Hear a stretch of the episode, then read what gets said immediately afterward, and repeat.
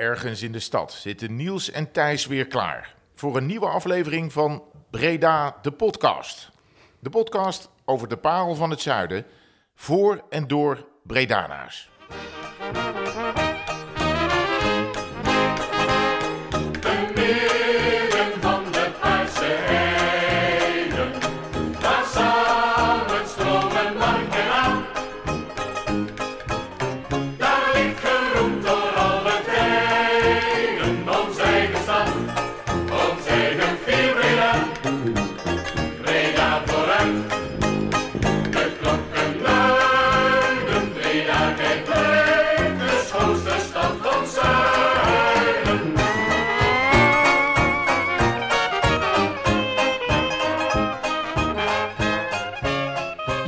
Ja, welkom luisteraars bij de tweede aflevering van Breda, de podcast. De podcast voor en door Bredanaars. Nummertje 2, Niels. Eh, afgelopen twee weken zijn we natuurlijk eigenlijk ja, best wel, kan ik wel zeggen, overspoeld met, eh, met reacties door de, van Ja, de eerste aflevering. Hoe heb je dat een beetje, een beetje ervaren? Ja, heel erg leuk. En eh, sowieso de eerste opname die was, die was heel erg leuk. En ja, als we kijken volgens mij de reacties die we hebben gekregen van mensen heel divers. Van mensen die enthousiast waren en zeker luisteren. Aantal praktische tips gekregen. Eh, Mhm, ja, ja, ja, mhm, ja, ja, ja, Ja, ja, ja. die- die, die- die zat erin, hè? De- ja, die, die, nemen we een mee. keer, een keer Ja. of zes gekregen. Dat gaat vandaag ook niet gebeuren. Nee. En ehm nee, ja, wat, wat- Daar zijn we alleen maar heel blij mee, hè? Dus, eh, als, je, als je opmerkingen hebt over de podcast of iets dergelijks, of je hebt, hebt onderwerpideeën, draag ze vooral aan.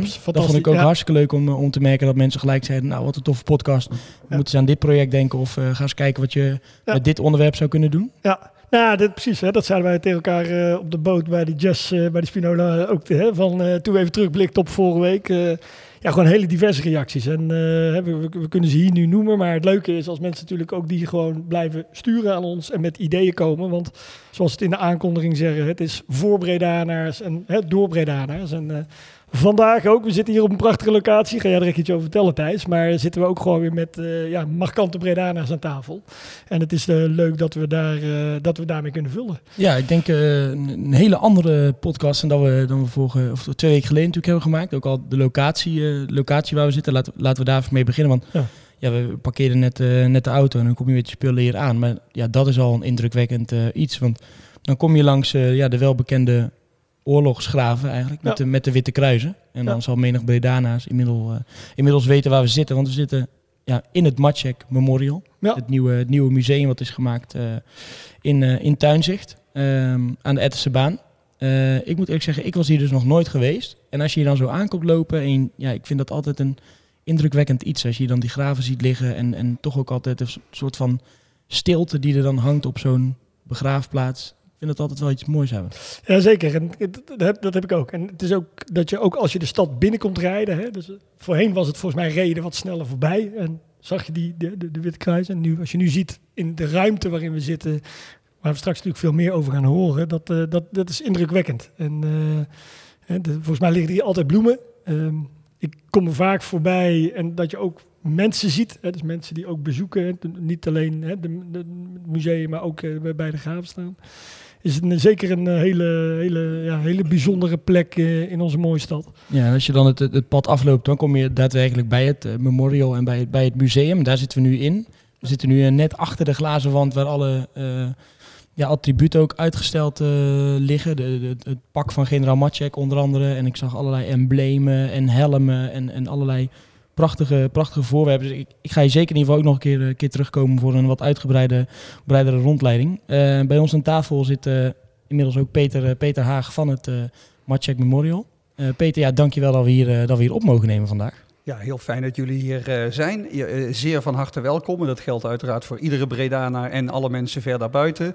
Eh, iedereen van harte welkom in het mooie nieuwe Matchek Memorial Breda. Ja, want het, het pand is, ja, je kan nog wel zeggen gloednieuw. Want wanneer zijn jullie eh, echt open gegaan uiteindelijk? Nou, eh, net, net voor corona. Ik geloof een week. Eh, en, en, en toen ging alles dicht. Ja, toen ging de hele wereld dicht. Eigenlijk, laten we zeggen, anderhalf, bijna twee jaar.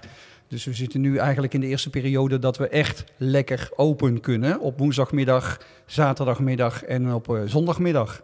En, en stel dat mensen hier, eh, ja, ik, zou bijna zeggen basiskennis voor elke Bredanaars. Misschien dat ze na dit gesprek ook willen komen.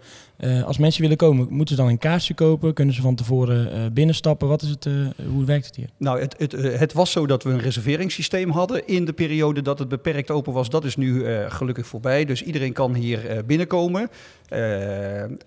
En dan hoef je niet meer van tevoren te reserveren. Wel een kaartje kopen. 5 euro slechts. Eh, en dan krijg je echt een stuk, eh, heel belangrijk stuk geschiedenis eh, van de bevrijding van Breda. Een stuk geschiedenis van de eerste Poolse panzerdivisie die daarbij hoort.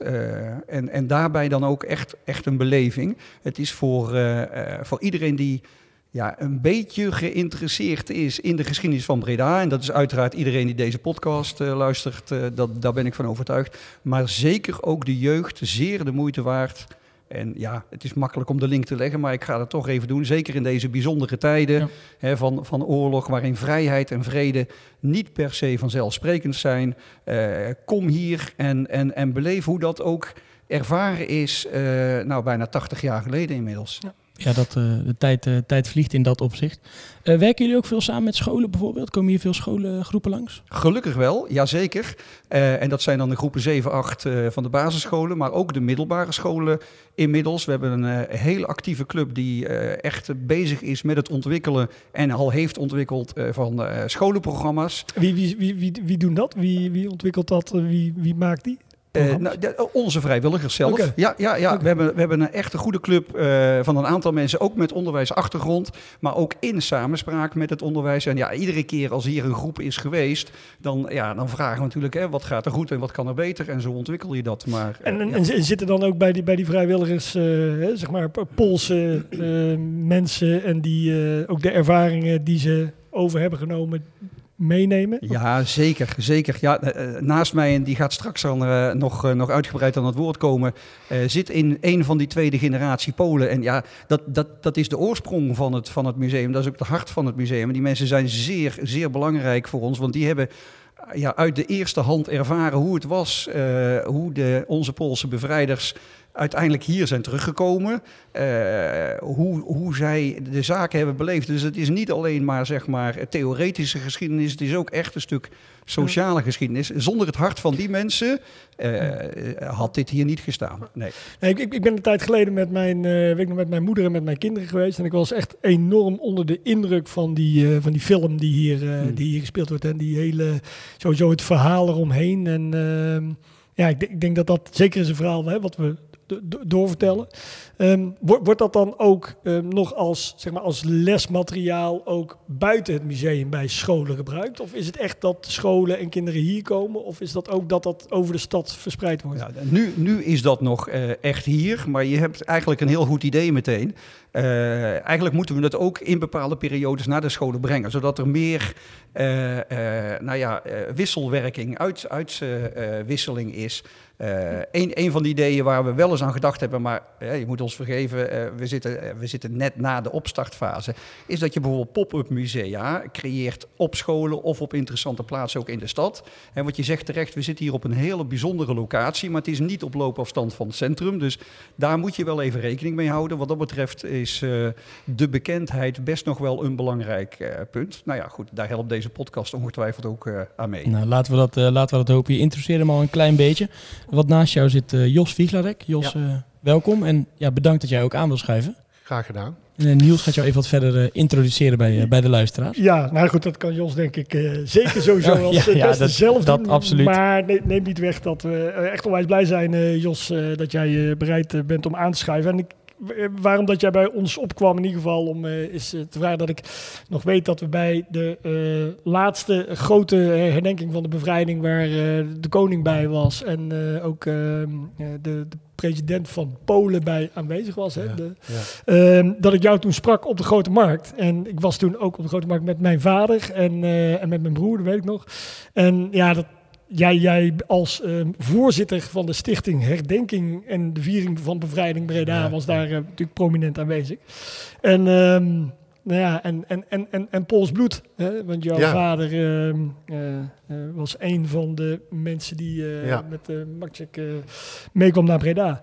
Dus hartelijk welkom. Fijn dat je hier bent. Voor jou een bekende plek hier. Ja hoor. Eh, ik mag voorzitter zijn, zoals je zegt, van de Stichting Jaarlijks Herdenking Bevrijding Breda. En wij komen hier regelmatig. En eh, ieder jaar eh, is het hier een hele grote happening. Dat, klink- dat klinkt alsof het leuk is, maar het is natuurlijk eerbiedig om het zo maar te zeggen. En dan zie je dat heel veel Bredana's ook staan te kijken. En ook de muziek uit Polen, de, de soldaten uit Polen. Veel bewoners eh, die hier wonen vanuit Polen, die komen. Dus eh, dat vinden we heel fijn. Eh, het kerkhof is één. We hebben nog een tweede kerkhof in de Vogelenzanglaan. En als stichting zijn we ook aan het proberen en het kijken of we de Vogelenzanglaan over kunnen hevelen naar hier. Dat heeft natuurlijk heel wat voeten in de aarde, want emoties. Dat was na de oorlog nog meer dan nu, want nu zijn veel mensen al die daar banden mee hebben, helaas overleden. En ook kinderen van eh, Poolse oudstrijders die daar liggen, of in de buurt liggen, die zeggen ook van, doe het maar. Want nou hebben we en het memorial en de Ettische baan. En als Vogelenzanglaan erbij komt, dan hebben we één groot gebeuren. Hoe belangrijk is, is deze plek en het museum en het, het memorial voor jou zelf als, als zoon van, van een Poolse verzetstrijder? Ja, als, als zoon van een Poolse verzetszijde wil ik eigenlijk niet hebben. Eh, dat mag wel, maar Mhm. ik vind het gewoon zo dat je de bevrijding van Breda door de Polen niet kunt zien, loszien van de Bredaanse bevolking. En daarom denk ik dat het heel belangrijk is om dat op deze manier te doen. Eh, je ziet nu bijvoorbeeld eh, Oekraïne en Rusland, dan mag je natuurlijk niet met elkaar vergelijken, maar daar zie je wel wat daar gebeurt met mensen die daar overlijden en eh, de emoties die daarbij zijn en dat soort zaken. Als ik zie, na de oorlog zijn er tussen de 300 en 350 Polen hier blijven wonen. Of ze wilden niet terug, of ze mochten niet terug, of ze konden niet terug. Eh, iedere Polen heeft zijn eigen dingen. Mijn vader heeft nooit iets verteld over de oorlog. Nooit. Dat hoor je ook wel eens van mensen die familie hebben in de concentratiekampen. Die vertellen ook niks. Misschien wel tegen de kleinkinderen. Dan slaat het als het ware een generatie eh, over. Maar eh, mijn vader heeft er nooit iets van verteld. Dus alles wat ik hoor en weet is van via via. Ja. Want laten we eens even, eh, toch even over het, het verhaal van jouw, jouw vader. Mhm. Ehm, jouw vader is geboren in 1921. Ja. Eh, hoe is hij, hij uiteindelijk terechtgekomen in die, in die eerste Poolse panzerdivisie die de stad heeft bevrijd? Ja. Mijn vader is in Polen geboren, in Ozarov. Eh, toen hij een jaar of vijf, zes was, zijn ze met het gezin naar Normandië verhuisd als zeg maar gastarbeiders. Toen eh, hij 18 was, brak de oorlog uit in 39. En ze waren bang, omdat ze de Poolse nationaliteit nog hadden, dat ze moesten vechten met de Duitsers. En toen is mijn vader met een aantal van die knapen van 18, 19 jaar gevlucht. Via Zuid-Frankrijk naar Engeland. Vier jaar in Schotland gezeten. En eh, met de invasie geland waar hij gewoond heeft in Normandië. En zo is hij hier terechtgekomen. Is hij destijds wel vrijwillig dan in het leger gegaan of was dat toen ook een soort dienstplicht? Ja, wat, wat is vrijwillig als je voelt van ik wil niet met de Duitsers eh, vechten en je gaat vluchten. En, eh, Ik bedoel, zeg maar, toen hij in Schotland woonde, eh, heeft hij natuurlijk een tijd gezeten. ja, gewoon bij de soldaten. Ja, want daar is, de, daar is, het, Ja. daar is de eerste panzerdivisie ook opgericht Ja, van generaal Matje. Ja, ja. Zijn vader, zijn vader, dus mijn opa, had wel tegen hem gezegd, ze speelden vroeger muziek, zorg dat je bij de muziek komt. Ja. Dus hij heeft ook eh, bij de muziek eh, gezeten. Later in Breda ook nog even bij Corrie Brokken in de, in de Fiesta gespeeld. En daarna heb ik hem nooit meer muziek zien maken. Waarom weet ik niet. Nee. En eh, wat wel is, wat leuk is voor mij persoonlijk, ik ben toevallig dit jaar 50 jaar getrouwd met een dochter van een Poolse oudstrijder. Drozdowski geheten. En eh, ja, dat eh, ja. schiep toen we elkaar in het pumpje zagen, meteen een band. Ja, ja, ja. Dat geloof ik. Wa- wa- Was, was dat bij een speciale gelegenheid of was dat... eh, Nou, ik was net geslaagd voor leraar en dan moet je gaan vieren in de stad. Dat, ja, ja, ja. En ik zag daar iemand op de barkruk zitten en dat vond ik wel heel erg eh, leuk uitzien. ja. En achteraf zei ze dat ze mij ook al... en op een gegeven moment ging ze naar het toilet. Ik dacht, dat is mijn kans. Dus ik, ik ging op die kruk zitten. En eh, ze komt terug, ze zegt, eh, dat is mijn, eh, daar zat ik. Ik zeg, ja, maar die heb ik voor jou. ja, en al babbelend en dan ineens alle twee ja. van Poolse afkomst. Bijzonder, Dat ja. al meteen een band. En het, het, het- zeg maar het verhaal achter familie van jouw vrouw, is, is dat ook... ehm, Eh, emotioneel heftiger. ja, Kijk, eh, de een heeft er meer last van dan de ander. En vroeger bestond PTSS nog niet. Nee. En eh, ja, als je dingen meemaakt, en dat is ook in Oekraïne, dat is ook met onze vaders en dat is met allemaal. We hebben allemaal wel, ja, als je vervelende dingen meemaakt, die neem je mee en daar praat je verder niet over. Ja. Ik heb ook wel eens eh, van waarom heeft jouw vader nooit iets verteld en waarom praat je er daar niet met hem over? Als de sfeer er is van er wordt niet over gesproken, dan doe je dat ook niet. En eh, Peter en ik, wij geven ook wel eens les eh, op scholen en dan vertellen we. En het leuke van mijn verhaal is dat ik kan zeggen mijn vader. Als mijn zoon het straks doet, dan heeft hij het al over zijn opa. Hè? Maar dan vroeg ik ook, hoe zou het komen dat mijn vader er nooit iets over verteld heeft? En dan krijg je toch goede antwoorden. Zo van, ja, dan snappen jullie toch niet wat hij meegemaakt heeft. Of hij wilde uw vrouw, of uw moeder daar niet mee belasten. Of hij wilde zijn kinderen er niet mee belasten. Want toen ik voor mijn nummer in militaire dienst zat, heeft hij nooit gevraagd hoe was Nee? het, hoe is het. Nee, ik had geen vervelende of eh, enge vader, hoor, dus Nee, eh, nee, zo is het niet. Maar er werd gewoon niet over gesproken. En je, je bent nu voorzitter onder andere van die viering en herdenking ja. eh, van de vrijheid van Breda. Ehm, je gaat langs scholen, je vertelt er veel over. Ben je actief op zoek gegaan naar het, ook het verhaal van je vader? Misschien toen, hij- toen hij pas overleden was? Of... al pratende in, in de stichting kwam ik eh, erachter dat er in Londen een adres is waar ze een archief hebben. En daar heb ik van mijn schoonvader en van mijn vader gegevens opgevraagd.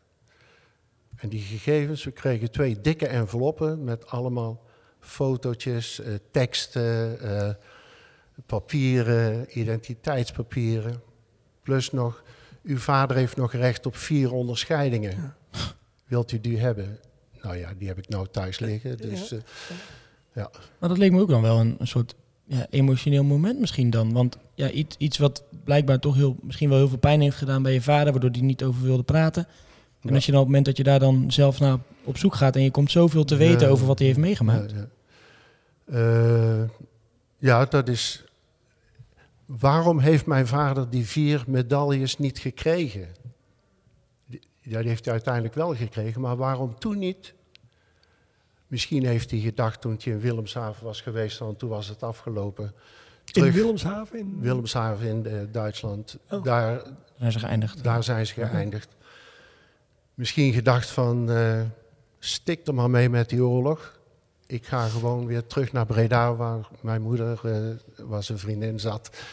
En eh, Ja, want, ja, ja, ja, want dat, dat, dat, dat staat mij ook bij van wat ik hier toen in het museum hoorde. En dat vond ik ook wel eh, in ieder geval heel heftig om te horen. Wat ik, wat ik niet wist, is dat natuurlijk de, de Polen zoals wij die zien als ehm, ja, de, de, de, de helden. hè, En, en de, Ja, ja. Dat, dat dat natuurlijk in hun eigen land ehm, helemaal niet zo werd gezien. Nee. Of, eh, Maciek is ook pas de laatste tien jaar of zo echt een beetje in het nieuws gekomen, zeg maar. Van dat hij toch eh, goede dingen heeft gedaan. En zeker voor Breda. Ja. Want hij heeft gezegd, laat de tanks maar even staan en wij gaan man tegen man. eh, want met alle respect voor degenen die wel ellende hebben gehad met eh, vernielingen. Breda is redelijk onbeschadigd uit eh, de oorlog gekomen. Ja, als je kijkt naar, naar de bevrijding van Breda inderdaad. Uiteindelijk is Breda natuurlijk bevrijd op 29 oktober eh, Ja, ja. 1944. eh, zonder burgerverliezen. Eh, volgens mij maar enkele doden aan de kant van de, van de bevrijder. Nee, nee, was dat maar zo? Nee, Ja. er zijn, maar dat is, dat is onvermijdelijk als je een stad bevrijdt. Ja. Eh, de, de- maar er, er zijn ongeveer, ik doe het even uit mijn hoofd, meer dan 50 burgerslachtoffers ook. eh, Oh, ook ik zag volgens mij Ja. op de erfgoedlijst. nou, gaan we, Ja. gaan we nog even nakijken. Ja, Maar goed dat je het even recht zet, uiteraard. Ja. Eh, maar inderdaad, wat je zegt, zonder weinig eh, Zo- zonder ja, weinig- ja, ja, ja. beschadigingen aan de stad. Ja. Door, door de werkwijze van, van, van generaal Matje. Maar check, ja. Ja. Dat staat in schril contrast met wat je ziet in Oekraïne. Hè? Ja, ja, ja. Ja, ja dat is, eh, Ja, van andere Nederlandse steden die destijds natuurlijk... ja, eh, Rotterdam. Kijk maar eh, wat daar gebeurd is. En eh, zo zijn er natuurlijk nog meer plekken. Hey, en als jij ehm, ook even over persoonlijk, hè, als je dit ook zo vertelt, hè, want ik, ik sprak jou ook eh, eh, onlangs aan de telefoon. Hè, je hebt je hier in de stad ook op heel veel andere manieren ingezet, ook in de politiek eh, Ja. en in het ja, onderwijs. ja, je, bent, je, bent onder, je bent onderwijzer geweest. en, ja, in Gerenoord. Ja, Gerenoord, eh, ja, ja. 27 jaar gewerkt. En 10 jaar in de Haagse Beemde. En ook nog in de politiek actief geweest. Ook in ja, Breda's politiek. voor het CDA. Ja. Misschien, misschien een hele bijzondere vraag, maar als je nu kijkt naar hoe, hoe, dat nu gaat, hè, we zitten hier in deze omgeving en wat, zijn, wat, wat hebben we nou weet je, geleerd en wat, wat nemen we nu mee? Hè? Waar, waar, waar zie jij nu zeg maar, dingen die heel mooi zijn in onze stad, die zeg maar, nou, misschien niet direct te herleiden zijn aan wat, wat er toen de tijd gebeurd is en wat we meenemen, maar waarvan je zegt van nou ja, dat, dat, dat maakt Breda echt heel mooi. Wat, wat ook wel een beetje op dat konto van de, de, de, de Polen en wat ze hebben achtergelaten op dat konto te zetten is. Ja, wat, wat de Polen hebben achtergelaten. eh, Prachtige kinderen. ja, zeker. nee, maar eh, er zijn natuurlijk veel plekken in Breda die herinneren eh, aan eh, dat gebeuren. De Poolse weg, de Duitse tank. Er wordt dikwijls gezegd de Poolse tank, maar het Duitse, Duitse Panzer D. Eh, de twee... eh, Bij het Wilhelminapark hè, staat hij op. Ja, eh, en de twee adelaars tegenover de tank, eh, de Poolse en de Duitse adelaar. Voor de duidelijkheid, de bovenste is de Poolse. Eh, dan zijn er natuurlijk eh, verschillende plaatsen. De, de, het memorial is er nu. De twee begraafplaatsen. eh het Mariakapel. In het Valkenberg, hè, waar de, de, de, de, bevrij- de ja, ja, dodenherdenking ja, is. Ja, ja. Want Toen ik, toen ik kind was, toen gingen we altijd naar de dodenherdenking. Maar dat kwam omdat mijn moeder, die woonde aan de Paul Windhousenweg. En Ja, gingen we altijd naar de herdenking bij de, bij de tank. En bij de, want dat is op een gegeven moment is dat overgegaan naar het Valkenberg. Toch? De, Mm, want die eh, dodenherdenking die is nu altijd Ja, in, in het Valkenberg op 4 mei. de 4 mei, maar Ja. dat, dat is niet speciaal Nee, voor de Polen. nee, nee, nee, nee, nee, nee, nee, ja, die, ook. Maar ja. want waarom is dat naar Valkenberg gegaan en niet meer bij de? Daar moet ik het antwoord schuldig blijven. Maar het lijkt me wel een hele mooie plek om het eh, daar in ieder geval te doen. Ja. Want, eh, Ja, dat beeld van de vlucht staat eh, ook in, het, ja. eh, in het park. maar het beeld van de vlucht heeft natuurlijk ook op verschillende plekken gestaan in Breda. Even nog over, over jouw verhaal persoonlijk. Eh, want je, wat we, net, je noemde, we noemden alle functies op waar je nog bij betrokken bent rondom die bevrijding.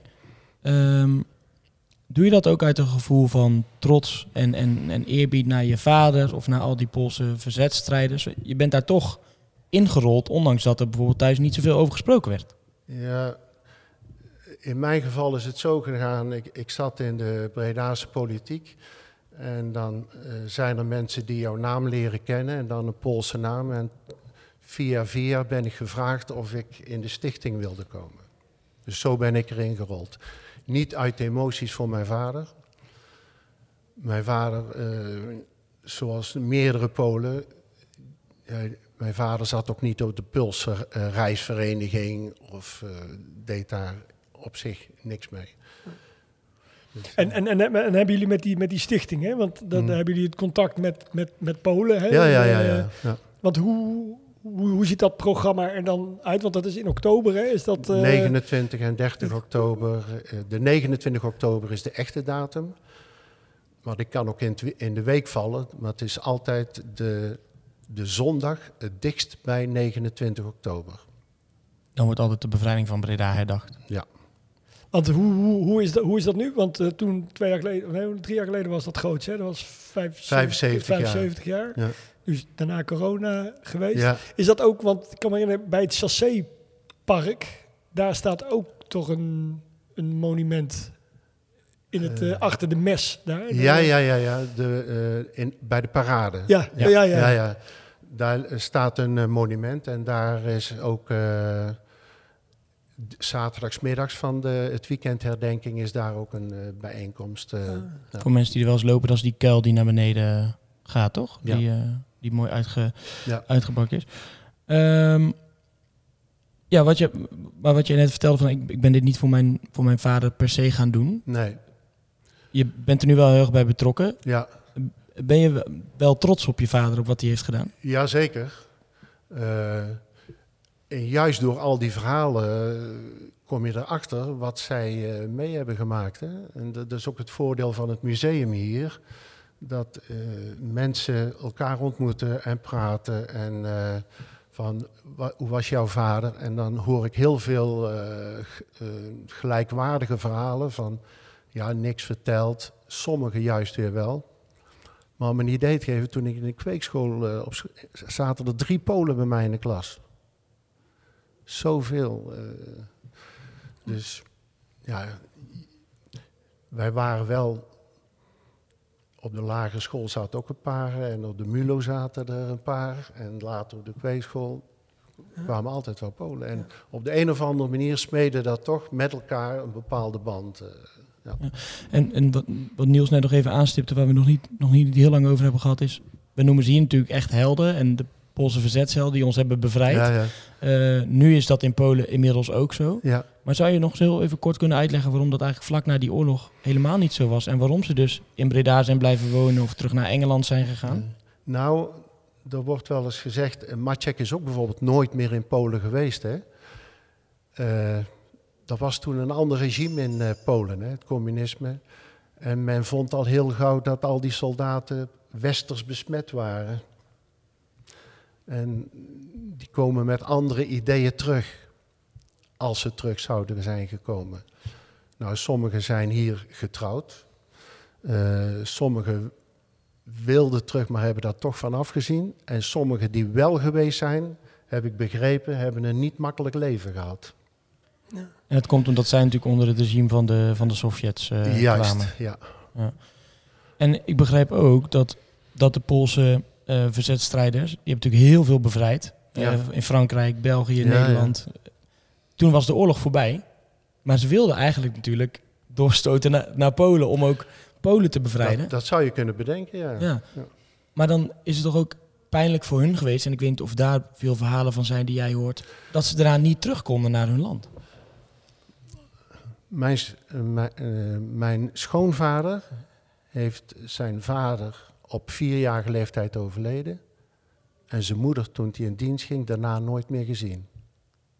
Dat zegt al iets, hè? Die was ook, toen ze wel een keer naar Polen gingen, was ze er niet meer. Dus zo heeft iedere Pool zijn eigen verhaaltjes. Kijk, mijn vader kon in principe terug naar Frankrijk, naar Normandië, want daar woonden zijn vader en moeder. Maar hij is toch gebleven omdat hij met mijn moeder trouwde. Wat ik wel snapte, want het was een lekker stuk. Oh, joh, eh, mooi om te horen. Wa- Wat zou jij nou mee willen geven aan, aan Bredana's die dit luisteren over die Poolse bevrijding en over, over wat er gebeurd is? Ja, eigenlijk eh, wat Peter net zei over het memorial. Als je er wat meer over wil weten, kom eh, naar het eh, memorial, maak een afspraak. Nodig mensen uit op scholen om iets eh, te komen vertellen. En, er is altijd wel een mogelijkheid om eh, aan informatie te komen. Is het, is het eigenlijk een, een, een basisding wat iedere Bredanaar zou moeten doen? Een must, Thijs. Ja, Ja, ik vind, ik vind van wel, maar... er zijn natuurlijk meer dingen die een must zijn voor de Bredaanse Zeker. bevolking. Hè? Zeker. Dus kijk, of, of men dat vindt, dat moeten niet de Polen vinden. Dat moeten de Bredanaars eh, vinden. En als ik het doe, dan is het omdat mijn vader. eh, of Nou, mijn ik denk dat mensen inmiddels wel de, de indruk hebben dat, dat je het niet alleen daarvoor doet. Maar het kan wel zijn dat je denkt van nou, dit, Ja, dit is ja, gewoon ja. iets, een stukje basiskennis Ja, wat je ja, moet, eh, ja. moet Ja, ja. weten. Ja, wat ik daar straks al zei, het is gewoon een stuk van de Bredaanse geschiedenis. En- Mooi. Ik denk dat dat eh, mooi omschreven is. Dank Jos, je. hartstikke bedankt voor jouw tijd. We, Ja. we nodigen mensen zeker uit om hier, eh, hier langs te komen. Geef je hier ook rondleidingen? Ik geef hier geen rondleiding, want ik ben nog op een aantal andere dingen ook actief Bij bezig. sprint, hè? Bij sprint, ja, Heel ben ik actief bij trainer, sprint. ja. Heel goed, heel goed. Dus eh, Helemaal goed. Dankjewel voor je Ja. tijd, Peter, dat we hier mochten, hier mochten zitten. Ja, mooi gesprek over de Poolse bevrijding van Breda. En eh, zoals we al zeiden, Niels, eh, ga je zeker een keer, een keer langs op de openingsdagen. Want ik denk dat het een belangrijk stukje is van, eh, van de Breda's geschiedenis. En dat brengt ons tijd naar een ander eh, stukje geschiedenis van de stad. Dan is het nu weer tijd voor een historisch feit. Ja, want de vaste rubriek van de podcast is natuurlijk ook eh, het historisch feitje. Eh, iedere twee weken behandelen we daarom een bijzonder historisch feit over de stad. Dat kan wel zijn een gebeurtenis, een bijzonder gebouw, een persoon eh, uit het verleden. Eh, en dat varieert van, eh, van gisteren tot en, met, eh, tot en met de middeleeuwen. En eh, we hebben weer een, een mooie gast achter de microfoon. Zeker, zeker hebben we een mooie gast. Vorige week eh, eh, Prins Carnaval, Arjen Broeders. En eh, vandaag hebben we een, eh, een, eh, een eh, hele bijzondere, voor mij in ieder geval een bijzondere gast uitgenodigd. Lieselot van Bel. Allereerst voor mij altijd de moeder van een van mijn beste vrienden, Pim. En eh, Lonneke en Wouter, die ik allemaal heel erg goed ken vanaf mijn jeugd al. En eh eh, Lieselot is, nou ja, ook, als er iemand iets over Breda weet, is Lieselot het. En een stadsgids, een stadsgids, Ja. stadsgids sinds een aantal jaren. Welkom Lieselot hier Dankjewel. bij ons op deze mooie plek. En ja, je hebt net ons gesprek ook eh, ja, gehoord. zeker. Ja. En, Ben eh, jij, eh, misschien wel leuk om jou ook even hier mee te nemen met het onderwerp. Ben jij wel eens geweest bij het Memorial? Nee, dit is de eerste keer dat ik hier ben. En ik moet zeggen dat het me erg verrast. Ik ben nog wel in het oude museum geweest, bij de kazerne. En daar was ik ook al eh, van onder de indruk. Zoveel dingen die ik zag en echt een museum. En als je hier komt, dan is het dus meer verspreid en meer, eh, minder items die je ziet, maar zeker indrukwekkend. En ik ben, ik weet, ben zeker van plan, eventueel met mijn kleinkinderen, want die vinden het denk ik ook ontzettend leuk om hier naartoe te komen en eens even verder te kijken dan wat ik nu in de eerste oogopslag heb gezien. Heeft de podcast toch al één extra bezoeker eh, richting het museum, eh, richting het museum gebracht? dat hebben we dan wel weer eh, geregeld. Ja, en ja, wij, en wij hadden jou nu eh, voor deze podcast gevraagd, hè, zoals Thijs net zei, eh, dat we ook een, een vast item hebben over een historisch feit. Ja, Eh, en ja. ik heb jou van de week daarover gesproken, ook met Jess nog even over gesproken. En jij wilde Ja. graag een mooi historisch feit met ons delen, met de luisteraars delen. Ja. Dus wij zijn benieuwd. Lieselot. Nou, eh, wat, ik zo, ik heb zo zitten denken van wat kan ik nou vertellen? Want er zijn natuurlijk een hele hoop feitjes en feiten en, leuke dingen gebeurd in Breda, minder leuke dingen gebeurd in Breda. Een hele bijzondere stad, maar ik dacht, kijk, eh, een beetje onderbelicht is eigenlijk de Haagdijk. En ik dacht, de Haagdijk, dat is toch een hele bijzondere straat. Gewoon historisch gezien al. Het is de eerste bestrate straat geweest die er was. Eh, als je over de Haagdijk loopt, dan zie je dus bijvoorbeeld ook altijd er een hoop eh, nummers ontbreken van huizen. En dan denk je van, ja, hoe is dat mogelijk? Maar dat, als je het goed nagaat, dan waren dus vroeger allemaal steegjes... waar van die kleine huisjes waren. En dat waren de ontbrekende nummers, die er dus nu niet meer zijn. Het was een straat waar eh, bekende mensen woonden, maar waar ook wat minder bedeelde mensen woonden. En die woonden dan achter de huizen van de Haagdijk. Nou, en die... ehm, maar woonden in hele slechte woningen, om het zo maar eens te zeggen. En als je nou binnenkwam via de Haagdijk, want als je naar Prinsenhagen ging, dan moest je over de Haagdijk en ook terug de stad in over de Haagdijk, dan kwam je zomaar niet binnen. En zeker niet als jij wat minder bedeeld was. Dus als jij een kermisexploitant was, of als jij eh, b- op de markt wilde gaan staan met een viool, en eh, als jij dus handelswaren wilde, aan de man wilde brengen, dan kwam jij zomaar niet de stad in. En waar bleef jij dan? Ja, nou dan was het, we moesten een onderdak moest je dan zoeken. En dan was er iets heel bijzonders op de Haagdijk, namelijk een Taukeshotel. Taukes. En een Taukeshotel. Ja, wat is nu een Taukeshotel? Ja, dat was heel leuk. Dat is een, een, een dame die dus eh, ook eigenlijk wat wilde bijverdienen. En die had zelf alles in Antwerpen rondgelopen. En die had, dus, die had wel in de gaten, er viel wat te verdienen. Hè? Aan zo'n Taukeshotel. Want dan kon je dus veel mensen in één huis onderbrengen. Zij had op zolder een hele groot koord gespannen. Dan kwamen de mensen die het dus niet konden betalen, weinig geld hadden, die moesten één cent geven voor een standplaats aan het touw. Dan gingen ze boven langs het touw staan. Ze legden hun elleboog over het touw. Hun hoofd ging er schuin op de elleboog en zo sliepen ze. Nee. Ja, zo sliepen ze. En waarom... Dus ze stonden zo naast elkaar. En dat was het Taukes Hotel. En nou was het zo leuk, want als ze dan 's morgens wakker werden, die was vlakbij een bakkerij. En dan werden ze al wakker van het gezang van de bakkers. Want er waren twee bakkers, de gebroeders Ome, die daar bakkers, bakten. Op Haakdijk ook. Op ja. daar vlakbij. En die konden enorm goed zingen. Dus die zongen daar aria's. En dat was dus geweldig om te horen. Dus de hele buurt die er langskwam, die zong mee. Of die stonden daar met open mond te luisteren van wat er allemaal gebeurde. Maar die van het Taukes Hotel, als die dan wakker werden en dat ook aanhoorden, dan waren die gebroeders oma zo, zo aardig. En die zeiden dan, heb je nog een cent, kom bij ons in de zaak en dan krijg jij je ochtendbroodje hier zo. Dus, En over wel- welke tijd hebben we het nou? dan hebben we het nog voor de, eh, nou, net voor de Tweede Wereldoorlog. Dus zo heel oud is het eigenlijk niet. Nee. Nee.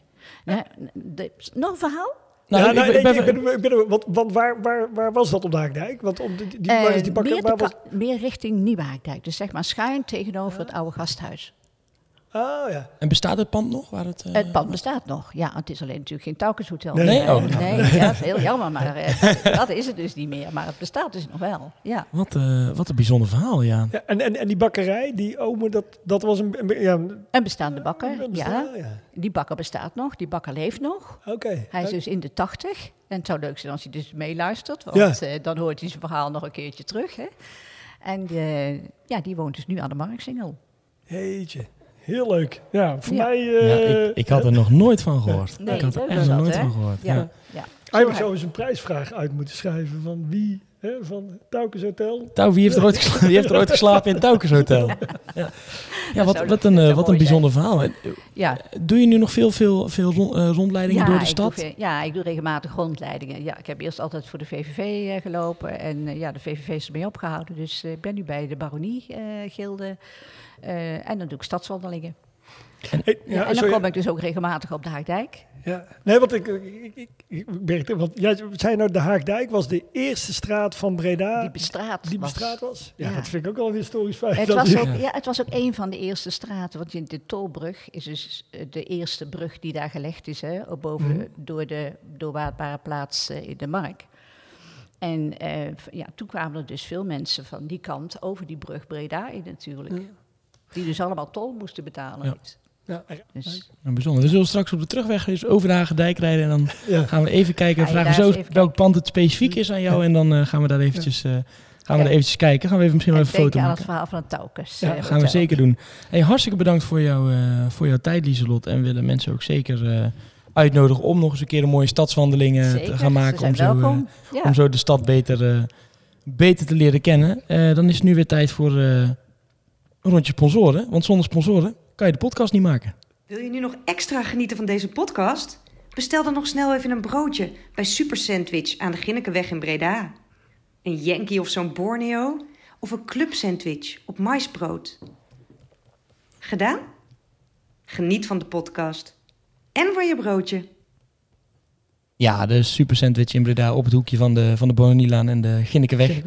Eh, als je het nog niet kent, rijd er een keer langs. eh, en dan herken je het aan de rij die altijd voor de deur staat. Want de broodjes gaan daar echt eh, letterlijk als warme broodjes over de, over de toonbank. Wat is jouw favoriete broodje van de, van de super sandwich, Niels? Ja, zo'n club sandwich. Bij, Ja? We- bij Wesley. Wesley is natuurlijk de, het gezicht van de, de, de, de super sandwich. En ja, de- Neem je dan een hele of een, zo'n twee derde? Een, twee, een, een hele en die eet ik in twee dagen. Oh ja, ja wat, het, zijn, het zijn behoorlijke broodjes. En jij? Wat ik, eh, Ja, ik ga zelf altijd voor, de, voor het broodje PK. Ah, Oké. Ja, ik, en ik, ik, als je daar dan staat, dan zie je gewoon dat het in, in emmers tegelijk eh, wordt, het, eh, wordt het gemaakt. Dus zeker de moeite om, om eventjes langs te gaan. En als je daar zin in hebt, kan je hem zeker ook even tijdens de podcast bestellen. Gaan we door naar de vaste andere rubriek van de podcast. Komt-ie. En die gaat natuurlijk over het meest bijzondere of mooie plekje van de stad. En iedere twee weken vragen wij een Bredanaar om zijn of haar mooiste plekje met ons te delen. En jij hebt eh, deze week weer, eh, weer iemand eh, geregeld, Niels, die Ja. wij je even mochten bellen. Ja, ja, en dat is niemand minder dan Justin Goedzee. Ehm, voor ons in ieder geval erg goed bekend. Ik denk voor mensen in de stad ook. Oud-directeur van NAC. En op dit moment volgens mij actief bij betrokken ondernemers Breda. En we hebben hem aan de lijn. Justin, goedemiddag. Goedemiddag, heren. Goedemiddag. Wat, eh, wat fijn dat we jou even, even mogen bellen. En laten we de luisteraars vooral niet eh, langer in spanning houden. Wat is nou voor jou het meest bijzondere of mooiste plekje van de stad? Ja, ik kreeg die vraag natuurlijk voor jullie gisteravond. En eh, al heel snel kwam er iets in me op. ehm, en, en toen dacht ik achteraf, god, dit is wel een voor de hand liggende eh, reactie of antwoord. En ik moet eerlijk zeggen, voor mij is het meest bijzondere plekje van Breda de Beatrixstraat. Ehm ja, en dat, dat was voor mij vrij duidelijk. En, en ja, ik zal, zal, zal zo even uitleggen waarom dat zo is. Ja, want voor de, voor de, voor de Bredanaars die mis- misschien wat minder met voetbal hebben, dat is niet de- om het zwembad wat er nu staat, denk ik. nee, en ook niet om de woonwijk. Maar vooral wat er vroeger wel stond, dat was een stadion. Ja, daar staat natuurlijk het oude, het oude stadion van, eh, van NAC. Eh, waarom, eh, waarom kies je voor deze plek? Nou, ik ben geboren in Dordrecht en ik verhuisde op mijn dertiende naar Breda. Ehm, en eh, een paar jaar geleden, toen ik directeur werd van NAC, werd mij gevraagd van... joh, wat was jouw eerste aanraking met NAC? En toen dreunde ik op. Eh, dat was NAC SVV, eh 2-1 overwinning, winnende doelpunt Rob Landsbergen. En toen zijn we gaan googlen en dat bleek te kloppen. Dus als 13-jarig kind ehm, eh, verhuisde ik naar Breda. Mijn stiefvader, die uit Breda kwam, die zei van... joh, ik zet jou bij NAC op de tribune, dan gaan wij de dozen, de verhuisdozen uitpakken. En ik stond dus in mijn eentje op die tribune op die betreffende dag. En blijkbaar heeft dat op, op, eh, op mij als kind zo'n indruk gemaakt... dat ik toch de, 25 jaar later eh, de, de uitslag wist te herinneren... inclusief de, de, de te maken. Dus, dus dat was toch een heel bijzonder moment geweest. En wat maakte dan de Beatrixstraat zo magisch? Neem ons mee naar dat, naar dat oude stadion. Ik, ja, kijk Niels even aan, ik weet niet of jij er wel eens bent geweest, Niels. Ik ben er zeker geweest. Ja, voor mij is dat zeg maar net, ik ben net die generatie die, die, die dat misloopt. Die, die het vooral met de mooie verhalen moeten doen. Dus Justin, voor de wat jongere Bredanaars, omschrijf nou eens eens hoe dat stadion in elkaar zat en wat de sfeer daar dan was. Ja, het, het grappige is, toen ik daar voor het eerst stond, was het leeg. Er waren er weinig mensen. Stond Mak ergens onderin, volgens mij, meen ik mij te herinneren. En pas de jaren daarna kwam de, de periode van bloei. Hè, met onder andere de na-competitie tegen VVV. En, en uiteindelijk de promotie eh, met, met Corpot. Ehm, en wat, wat ik uiteindelijk dus... Ja, in het begin was het eigenlijk maar een heel leeg stadion. Maar blijkbaar was dat, want er zat niet zoveel publiek, was het toch al, gaf het al heel veel een grote indruk op mij.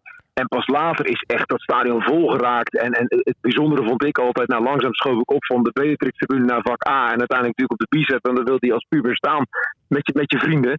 En, en wat ik me daarvan kan herinneren is dat iedereen elkaar omwerk duwde bij een doelpunt. En dat er altijd heel veel vuurwerk was eh, voorafgaand aan de wedstrijd.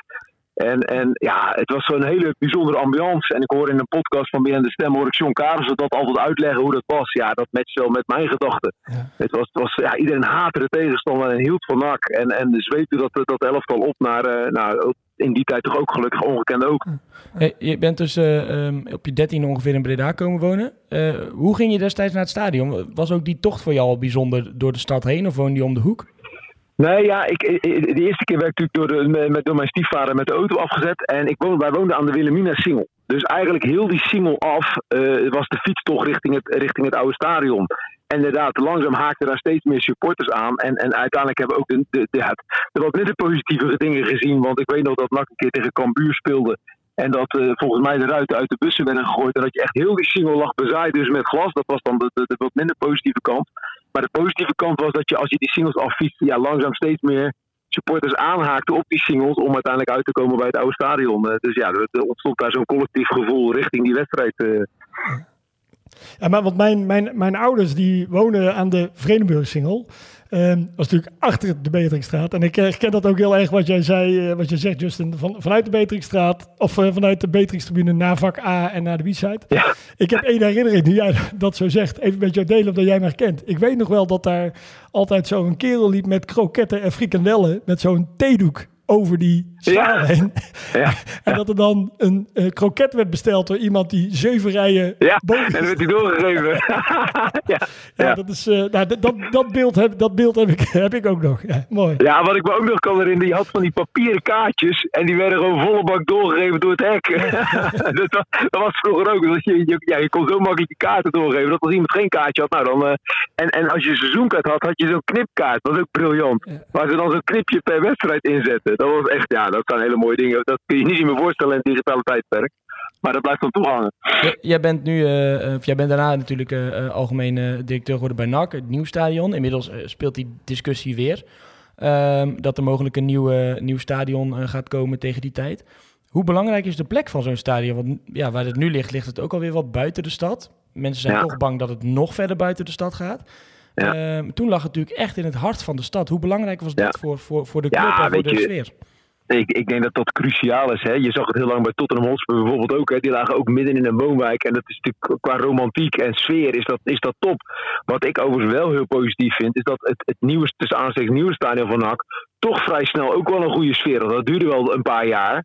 Maar uiteindelijk zie je dat toch de mensen wel het verschil maken. En, en vaak bedrijfseconomisch is het voor een club veel interessanter om aan de buitenkant van een stad te zitten. Omdat je dan allerlei eh, andere exploitatiemogelijkheden krijgt. Hè, met winkels en, en, en, en misschien een woonboulevard of whatever. Eh, maar ja, voor een supporter is het natuurlijk het mooiste als je lopend naar het stadion kan. Ja, dat, dat lijkt me duidelijk dat het ook een positieve invloed heeft op de, op de sfeer en ook op de omliggende horeca. Ja, eh, ga je er nu nog wel eens met de, met de fiets langs, eh, langs de oude Beatrixstraat, om even herinneringen op te Nou. halen? Of langs plakaten te fietsen? Wat, Ja, wat dat, is, dat is heel grappig. Wij gingen in coronatijd hebben wij die, die Blind Walls Gallery Tour gedaan met de kinderen op de fiets. Heel goed. Eh, en, toen, en toen zijn we inderdaad even langs gegaan. Ja, ja, en toen heb ik aan mijn zoon, die ook helemaal voetbalgek is, eh, eh, ook dit verhaal al even verteld. Ja. Mooie, mooie herinnering aan, een, eh, aan, een, eh, ja, aan het oude NAC-stadion. En een, ik denk een mooie plek voor, eh, voor menig Bredana, eh Bredana geweest. Justin, mogen jou eh, bedanken voor je tijd? Yes, graag gedaan. Ik vond het heel leuk. Ik vond jullie eerste podcast overigens heel leuk. Dus ik ga ervan uit dat de volgende podcast ook heel leuk worden. Dus ik, ik blijf hem volgen en luisteren. Heel goed, heel goed. Hey, dankjewel Justin. Justin, tot de volgende. Yes. Goedjes. Succes jongens. Ja, hoi. Hoi. Nou, leuk gesprek met eh, de algemeen, oud-algemeen directeur van, eh van NAC. Eh, eh, Jos, kom jij wel eens bij NAC? Ben- Ging je vaak naar NAC? Ik ben er wel eens geweest, maar ik ben geen fervent eh, voetballiefhebber om eh, daar naartoe te gaan. En eh, ik denk dan, jij zegt ik ben er wel eens geweest. Dat is misschien ook wel geweest rondom die 75 jaar bevrijding, of niet? Toen, eh, toen er een actie was vanuit, de vanuit de supporters van NAC. Ja, met eh, al het die spandoek? namen, eh, met spandoek, ja. Ja. ja. dat was geweldig. Ja. Ja. En, en NAC-supporters zijn volgens mij ook elk jaar met een, eh, met een gedeelte in ieder geval aanwezig bij de, bij de herdenking, eh, vaak weet ik. Eh, Als ze er zijn, zijn ze niet in nakkleding. nee, dat, dat, dat niet. Dat, dat zeker niet. Eh Lieselot, ga jij wel eens eh, naar het NAC-stadion nog? Of ging je Ja, vroeger nou, naar het NAC-stadion? ik- Nee, ik ga eigenlijk niet naar NAC, maar ik ben wel naar NAC-nek geweest toen in het Feyenoordstadion. Ah, toen ze kampioen zijn geworden. Ja, dus dat was beker. ook een grandioze wedstrijd, dat weet ik nog wel. Ja, we nemen deze op op, op 1 juni. Gisteren was dat eh, een aantal jaren in 73 natuurlijk Ja, gewonnen. 73. En ja. ik heb ook begrepen dat een nog ouder nakveld lag waar de Smutstraat nu is. Ik dacht dat het huis van mijn zoon zelfs, Van op, Pim, de, ja. zelfs op de middenstip gebouwd is. Eh, gaan we eens even eh, En ja, voor de- dat is dus nog verder terug hè, Ja. in, de, in de historie van Als we ooit een keer een, aflevering gaan maken over NAC, dat, dat gaat ooit een keer Zeker, gebeuren, zeker. kan ik, eh, kan ik de mensen beloven. Dan eh, Ja. gaan we daar helemaal, eh, helemaal En op dan, eh, en dan wat ook heel bijzonder is, eh, het NAC-stadion heet dus nu Radverlegstadion. En dat is een oud oom van mij. Dus Oh. ik heb van dichtbij heb ik dat hele gebeuren daar met eh, rondom de rad wel eh, meegekregen. Het zit hier gewoon een levende Breda's encyclopedie aan tafel. eh. Hey, Thijs, we weten wie we uitnodigen. Ja, ik Ja. denk dat, we de, dat, we de, dat we de luisteraars wel kunnen beloven dat Lieselot waarschijnlijk nog wel een keertje terug gaat, eh, terug gaat komen met, eh, met deze of geen historisch feit. Ehm, ja, dan zit, zit de podcast er bijna weer op. Gaan we hem, eh, gaan we hem zo afronden. Natuurlijk niet eh, voor, eh, voordat we jullie ook hebben bedankt. eh, Jos, nogmaals voor jouw mooie verhaal. Lieselot voor het, voor het feit wat je net vertelde over het Taukes Hotel. We Ja. gaan er zo meteen even langs. En Peter van het... Peter ook, van het Matchek Memorial dat we hier, hier mochten opnemen. Dan gaan we natuurlijk altijd nog even vooruitkijken naar de komende twee weken. Want over twee weken nemen we weer, eh, weer op. En dan kijken we even wat er te doen is in de stad. En eh, ja, het is natuurlijk 6 juni eh, Pinksteren. En dan is altijd, zijn er altijd wel bijzondere evenementen in Breda. Ja, wel de, de Nassaudag. Die is eh komende Open, open Monumentendag. Hè, met eh kasteel van Breda dat open is. De kerk vrij toegankelijk open. Bij het Chassépark is Stadhuis. ook, stadhuis. eh, er is genoeg te doen. De Ehm, oude Ambachtenmarkt wordt nog gehouden in het Chassépark. En eh, er zal nog een roofvogel eh, ja. vogelshow zijn. Jij, jij vertelde dat je, je gaat daar vaak met je kinderen naar die Ja, dag ik, wel ik, even ik langs. ben, ik ben een aantal keer geweest, ja. Ja, het was heel erg. En ik vond altijd de, de, gewoon toch indrukwekkend dat je ook als Bredaner op de KMA mag komen. Hè? Want Ja. anders kom je er niet op. En, eh, dus dat is zeker eh, de moeite waard. En eh, voor iedereen, maar kinderen vinden dat natuurlijk helemaal fantastisch. Ja. En ehm, ja, dus het dat zal is... deze keer bij het kasteel ietsje anders zijn, denk ik. Hè, omdat er dus eh, erg aan het verbouwen zijn. Oké, ja. Dus er zijn een paar dingetjes zijn er minder open. Maar er zijn zeker hele leuke Leuk. dingen te zien. Ja. Ja. ja Nou, dus, ga daar zeker even langs. En eh, En er is ook, wat is er nog meer bij het NAC-stadion? Ja, bij, nou, bij het nieuwe NAC-stadion op het trein hebben we ook natuurlijk even gekeken. Het, eh, een, een enorme vlooienmarkt Ja. wordt daar eh, georganiseerd. Een, een, een rommelmarkt, ook op 6 juni. Eh, met, eh, met ontzettend veel, eh, ontzettend veel kraampjes. En voor denk- 3 euro intree kan je daar... ik, denk, ik denk dat ze ook wel wat spelers daar kunnen. ja, ja, wat, wat, nou ja, ik, ik, ik weet niet of het een beetje volgt de laatste dagen, maar we hebben bijna niemand meer over. Nee, nee, dus nee. misschien kunnen ze nog wat kopen. misschien kunnen we nog wat nieuwe spelers voor, voor NAC gaan, gaan halen. Eh, Maar genoeg te doen. en doen. laatste misschien toch nog heel even te noemen. Er is ook toch de Dance Tour Ja. komend weekend. Dus ja, deze Ook vrij toegankelijk, hè? Zou eerst kaartjes zijn, maar... ja. Dus Dus- eh, lekker genieten van die, eh, van die vrije de maandag. stad bruist. De stad bruist. Eh, wij gaan eh, hier nog even een rondje maken in het, eh, in het museum. Eh, We willen de luisteraars weer bedanken. Vooral weer eh, stuur tips en feedbacks, onderwerpideeën. Het is allemaal welkom. En dan eh, zien we jullie graag allemaal over eh, twee weken weer terug. Zeker. Houdoe. Ja, dat was hem alweer. Als je genoten hebt van Breda de podcast, abonneer je dan. Laat een recensie achter. En volg Breda Podcast op Instagram. En heel graag tot de volgende keer.